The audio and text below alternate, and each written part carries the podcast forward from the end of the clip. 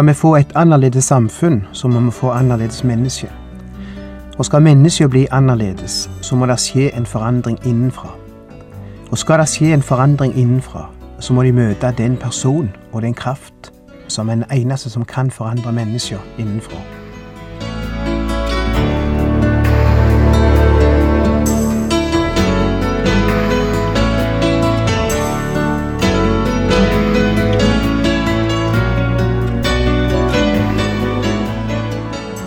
Hjertelig velkommen til et nytt program i serien Vindu mot livet. Vindu mot livet er basert på programserien Insight for Living ved Chuck Svindal. Programmet er produsert av Kristen Riksradio og blir ledet av Ola Bjoland.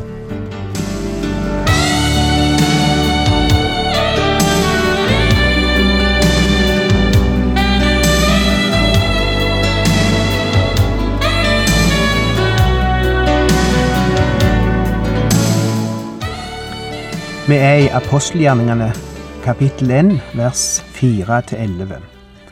Og vi begynner med å lese ifra vers 4. En gang han spiste sammen med dem, sa han, Dere skal ikke forlate Jerusalem, men vente på det som Faderen har lovt, og som jeg har talt om. For Johannes døpte med vann, men dere skal om noen få dager døpes av Den hellige ånd. Slik begynner Jesus sin avskjedstale til disiplene før han forlater dem og drar til himmelen. Der har gått 40 dager siden han var tenkt på et kors og døde, og tre dager etterpå sto opp igjen. 40 dager har han vært sammen med dem og gjort de klare til å ta over det store oppdrag som han hadde kalt de til. Og nå stadfester han det som han har lovt de flere ganger, at Den hellige ånd skal komme over de. Hittil har de kun hørt om Johannesdåpen. Det var en symbolsk dåp. Nå skal de få oppleve mer enn symbolet. Nå skal de få oppleve en virkelighet som de aldri har opplevd før, når Den hellige ånd kommer over de. Og dermed er Gud sjøl hos de på en ny og annerledes måte. Den hellige ånd er ikke noen ærensgutt ifra himmelen. Den hellige ånd er en person, en del av den treenige Gud. Han er ett med Gud, ett med Faderen og ett med Sønnen. Derfor er det Gud sjøl og Jesus som skal komme til de og bo hos de. Derfor taler Jesus i slutten av Johannesevangeliet om at han skal komme igjen på en ny måte, gjennom talsmannen, som han kaller han, og han skal være hos de og bo hos de. Og det var dette som skjedde noen dager seinere, på pinsedag, og det var dette som forandra de ifra å være noen redde og forsakte menn bak stengte dører etter oppstandelsen, til å bli brennende evangelister som ikke var til å kjenne igjen, som reiste rundt i det romerske imperium og vitna med livet som innsats. Vi snakket sist om at apostelgjerningene er som en historie om en revolusjon. Og enhver revolusjon har et program. Men her er det snakk om mer enn et program. Her er det snakk om kraft, en indre kraft som setter de i stand til å gjennomføre revolusjon. Vers seks til åtte. Mens de var samlet, spurte de ham, Herre, vil du på den tid gjenreise riket for Israel? Han svarte, Det er ikke deres sak å kjenne de tider og stunder Faderen har fastsatt av sin egen makt men dere skal få kraft når Den hellige ånd kommer over dere. Og dere skal være mine vitner i Jerusalem og hele Judea, i Samaria og like til jordens ender. Det skal få et program. Nei, han sier ikke det. Det skal få ei saksliste. Nei. Det skal seie ned en komité. Nei. Takk og lov at de ikke fikk beskjed om å nedsette noen komité. Det skal få kraft, sier han. Kraft er noe som ofte kjennetegnes av masse lyd. Når jeg tenker på kraft, så ser jeg for meg en svær bulldoser som herjer på et nytt byggefelt i nærheten av der jeg bor, med ei svær skuffel som er så stor at den fyller en hel lasteplan med moll og jord i ett jafs. Ei kolossal kraft. Jeg aner ikke hvor mange hestekrefter det dreier seg om, men det ser ikke ut som om noen ting kan stoppe den der den braker av gårde gjennom mollhaugene, med en sigarettrøykende sjåfør bak rattet og spaka. Og den gir fra seg masse lyd. Jeg kan høre bulldoseren heilt heim der jeg sitter og skriver nå. Massevis av hestekrefter som gir masse lyd ifra seg. Og når vi snakker om revolusjon, så tenker vi på nettopp slik en kraft. Kanonskrall, tanks, bombe, automatvåpen, mennesker som sprenges i lufta. Det er revolusjon.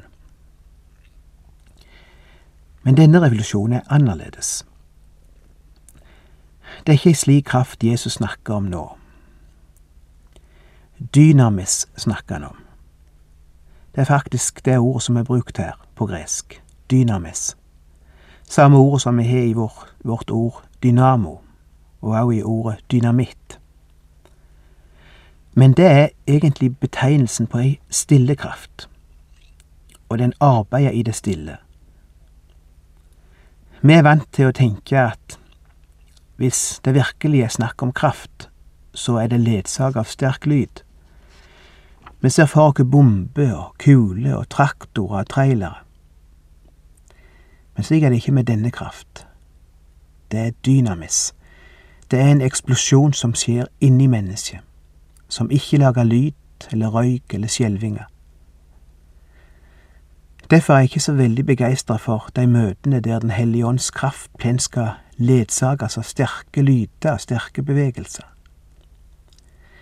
Nei, Den hellige ånd brøler ikke, han skriker ikke, men han forandrer mennesker innenfra. Og den driver mennesket fram og gjør at de ikke kan sitte stille på baken lenger, men må ut og vitne, ut og vitne til jordens ender. En plass jeg ser for meg denne kraft i virksomhet en dag, er på kirkegården. Du tenker kanskje Kom an, der er vel ingen plass på denne jord som er så kraftesløs og stille som en kirkegård? Vel, den siste plassen på denne jord som denne kraft skal demonstreres, er nettopp en kirkegård. Når Jesus stiger ned ifra himmelen og de døde skal vekkes opp igjen til liv.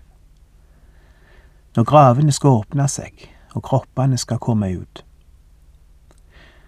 Og vet du hva, jeg ser ikke for meg at det vil skje med masse sterke lyder, med bombing og skralling og den slags. Jeg tror det vil bli lydløst, men desto sterkere, når det som har vært dødt i hundrevis av år, kanskje, plutselig blir levende igjen.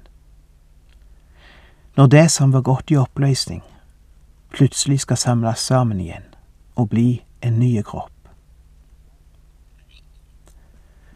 Nei, vi fatter det ikke, men Bibelen sier at det skal skje. For Den hellige ånd er usynlig. Jesus sammenligner den med vind i sin samtale med Nikodemus. Du kan kjenne den, men du ser den ikke, og du vet ikke hvor den kommer ifra og hvor den farer hen, sier Jesus.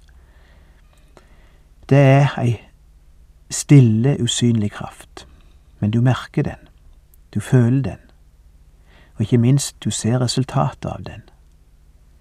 Du merker når Den hellige ånd sveiper over ei forsamling, åpner mennesker, hjertene, så det er som et vakuum som suger ordet til seg. Du trenger ikke dytte det på, det blir liksom sugd ifra deg, så du nesten må holde litt igjen når du står og taler. Og du ser virkningene. Du ser murer bli brutt ned. Du ser synd bli bekjent. Du ser håp bli tent i håpløse blikk. Du ser hat bli smelta. Du ser splittede forhold bli forent. Du ser heime bli satt sammen igjen. Du ser sjuke bli helbreda. Det er den krafta Jesus snakker om.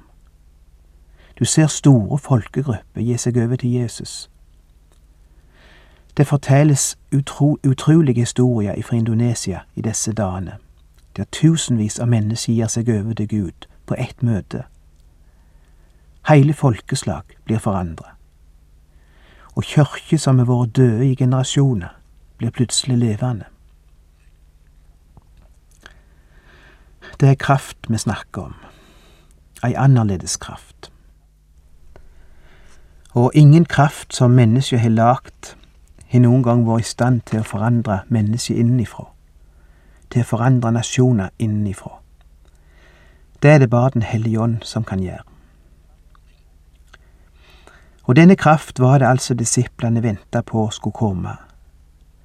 Og den kom noen dager etterpå, og de vart forandra til tapre vitner som drog ut i verden, og verden vart forandra. Men det skjedde ikke ved noe program. Det skjedde ikke ved markeds markedsføring eller salgsmenn. Det skjedde ved vitnesbyrd. Dere skal være mine vitner, sa Jesus. Ingen propaganda ifra store politikere, men enkle vitnesbyrd. Å vitne er å fortelle det en vet, det en har sett og hørt. Å vitne er å fortelle sannheten. Ganske enkelt fortelle sannheten om det en har sett og hørt. Sannheten om Jesus det var det som skulle snu verden på hodet.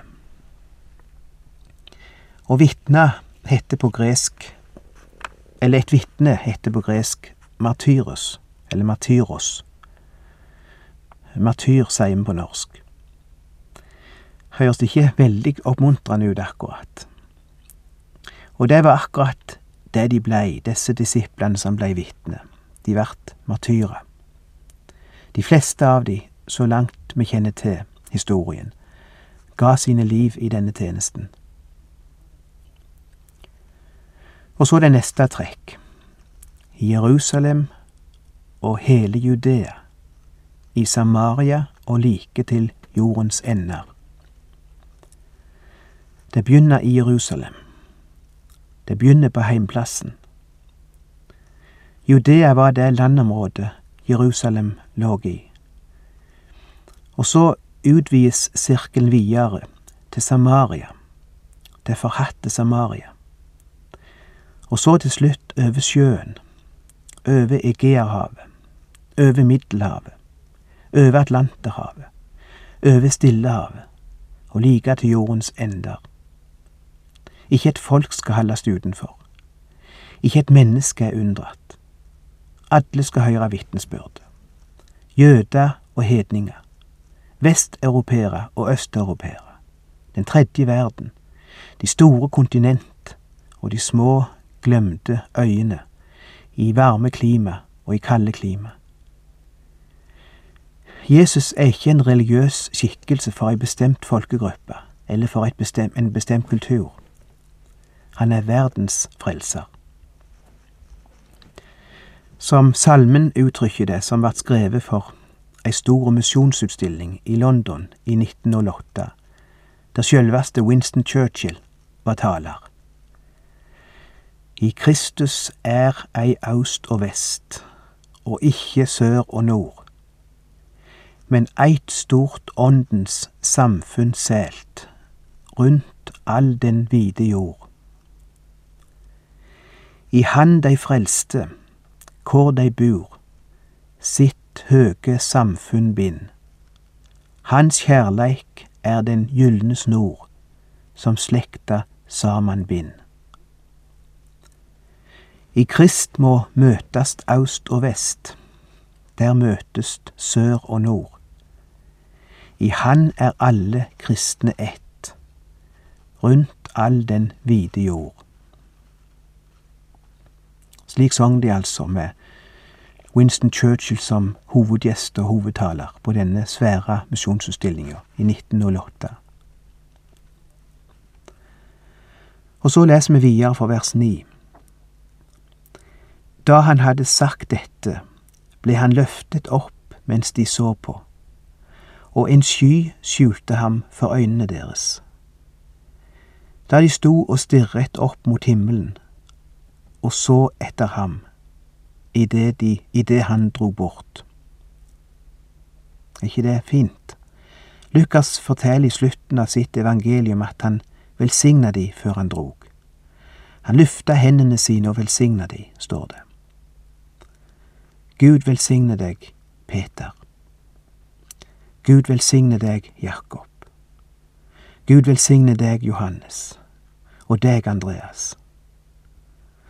Og så forsvant han opp i lufta og vart borte bak ei sky, står det. Og de står og ser opp med måpende munner.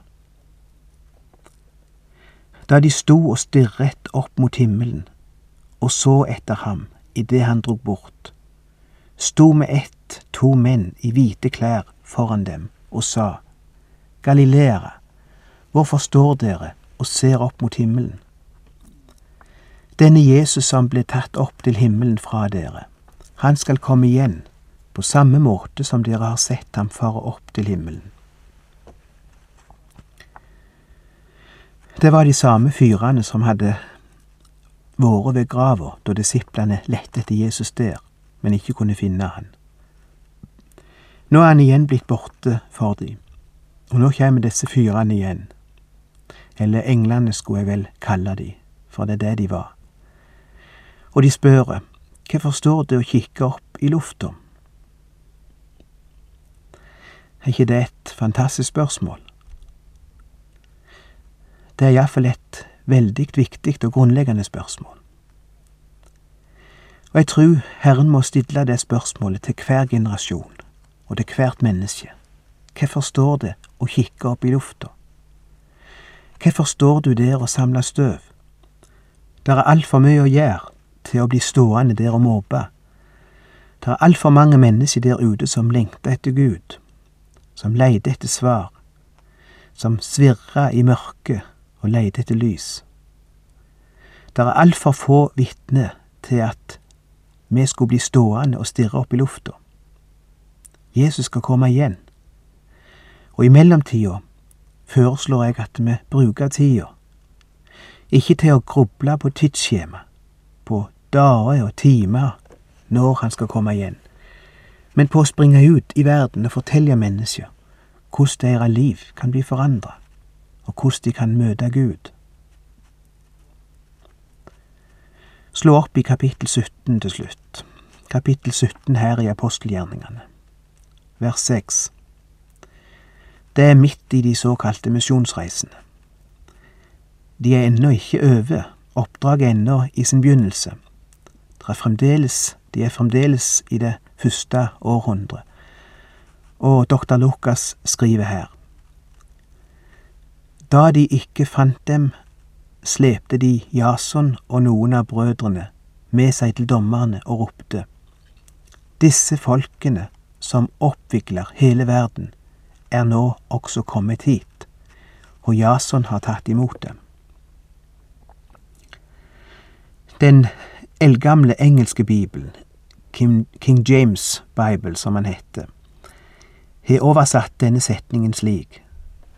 Disse mennene som har snudd verden opp ned, er kommet hit også. Og denne beskyldningen er faktisk ganske sann. Det er nettopp det de hadde gjort, disse mennene. De hadde begynt å snu verden opp ned. De hadde ikke vært så lenge i denne byen før ryktet går om de. Disse mennene er farlige. De snur verden opp ned. Er ikke det fantastisk? Fordi nå har de fått del i ei kraft som virker heilt annerledes enn alt annet. Den virker på mennesket innenfra, og det skjer en forandring. Og når det skjer en forandring i mennesket innenfra, da forandres òg samfunnet. og verden. Det er det eneste som kan forandre verden. Det er at mennesket forandres innenfra. Jeg begriper ikke at ikke politikerne snart har oppdaga dette. Jeg begriper ikke at de ikke har lest nok historie til å se at skal vi få et annerledes samfunn, så må vi få annerledes mennesker. Og skal mennesket bli annerledes, så må det skje en forandring innenfra. Og skal det skje en forandring innenfra, så må de møte den eneste person og den eneste kraft som kan forandre mennesker innenfra. Jeg kan ikke begripe at veduge politikere stadig setter ut i livet svære program som skal helbrede et sjukt samfunn, samtidig som de neglisjerer den kraft og det evangelium som har forandre verden og samfunn om igjen og om igjen opp gjennom historien. Ser ikke folk dette? Ser de ikke hvordan Jesus forandrer mennesket? Ser de ikke hvordan han forandrer hjemme? Kanskje du som lytter nå, føler at du trenger en forandring. Vet du hvem som kan forandre deg? Det er Jesus. Han er den eneste som virkelig kan forandre deg innenifra. Og han vil sette deg inn i det mest meningsfulle arbeid og den mest meningsfulle tjeneste du kan tenke deg, og være vitne for andre mennesker om det han har gjort for deg. Da ble det òg andre mennesker forandra ved ditt vitnesbyrd. Da er du med i det prosjekt som ble starta med apostelgjerningene, og du er med og skriver siste kapittel i den boka. For den er ikke avslutta ennå. Den ble ikke avslutta før det skjer som englene lovte disiplene da Jesus ble borte ifra dem. Han skal komme igjen på samme måte som han dro bort. Han skal komme igjen. Da er oppdraget utført.